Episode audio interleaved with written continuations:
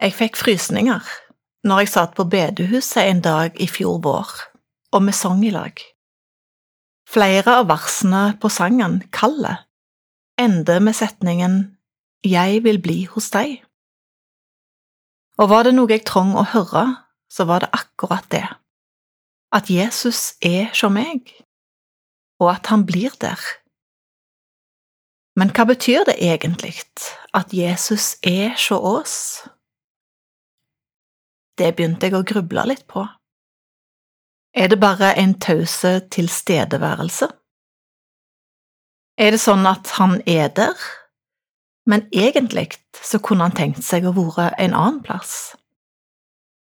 Det er mange sanger som handler om at Gud er hos oss.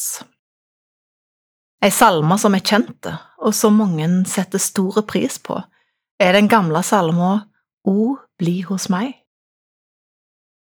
Når jeg satt og sang denne i en begravelse for ikke så lenge siden, så gikk det opp for meg at den sier mye om hva det betyr at Gud er her i lag med oss.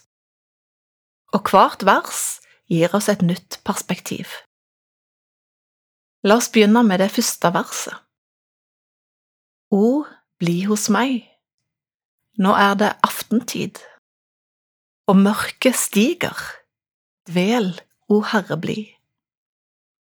Når annen hjelp blir støv og duger ei. Du, hjelpeløses hjelper, bli hos meg. Gud er sjå dei hjelpeløse, for å hjelpe. Det å være hjelpeløse blir ikke regna som noe særlig attraktivt i vårt samfunn. Vi må jo være sjølhjulpne. Vi må jo kunne bidra med noe. Så når folk som trenger hjelp hele tida, blir fort en belastning. Men i Guds verden er alt snutt på hodet. Og de som innrømmer at de er hjelpeløse, blir løfta opp. Gud kommer sjøl og reiser de opp og gir de verdigheten tilbake. I 38 år hadde mannen vært en tigger og en belastning for familien sin, en hjelpeløs mann. Han lå stadig nede ved Betestadammen i Jerusalem og venta på et under. Men alle årene han hadde ligget der, vitna om at underet neppe ville komme til han dette året heller. Av og til kom der nemlig en engel fra Gud og rørte opp vannet og den første som klarte å komme seg ute i dammen da, ble frisk fra lidelsene sine.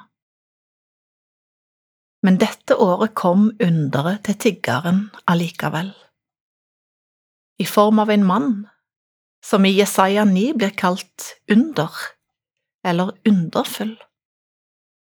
Vil du bli friske? Ja, selvfølgelig ville mannen bli friske, og Jesus i kraft lufta mannen opp fra elendigheten sin og opp til et nytt liv.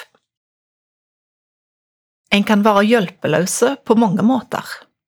Det kan for eksempel være fysisk, det kan være økonomisk, eller det kan være åndelig.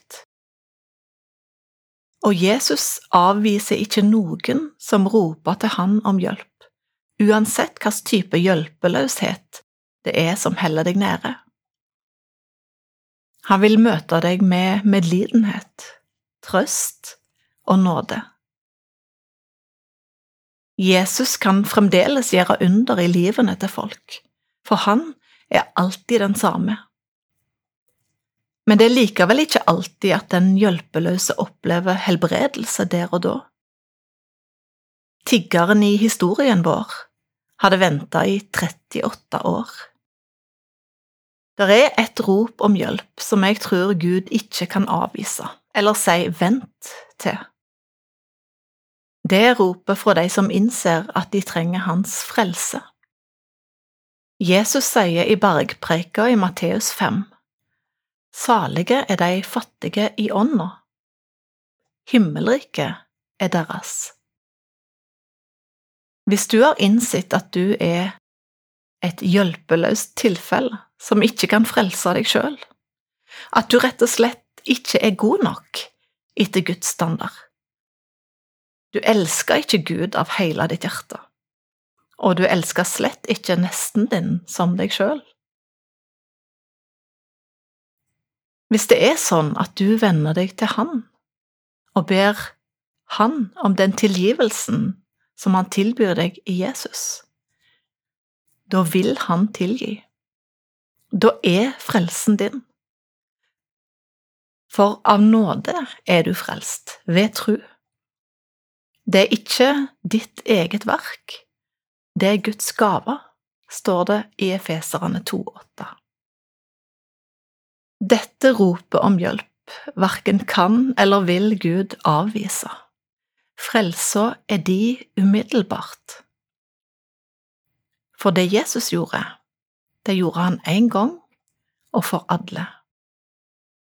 Han er den hjelpeløse sin hjelper, og han blir ikke bare sjå deg, han bor ved trua i deg.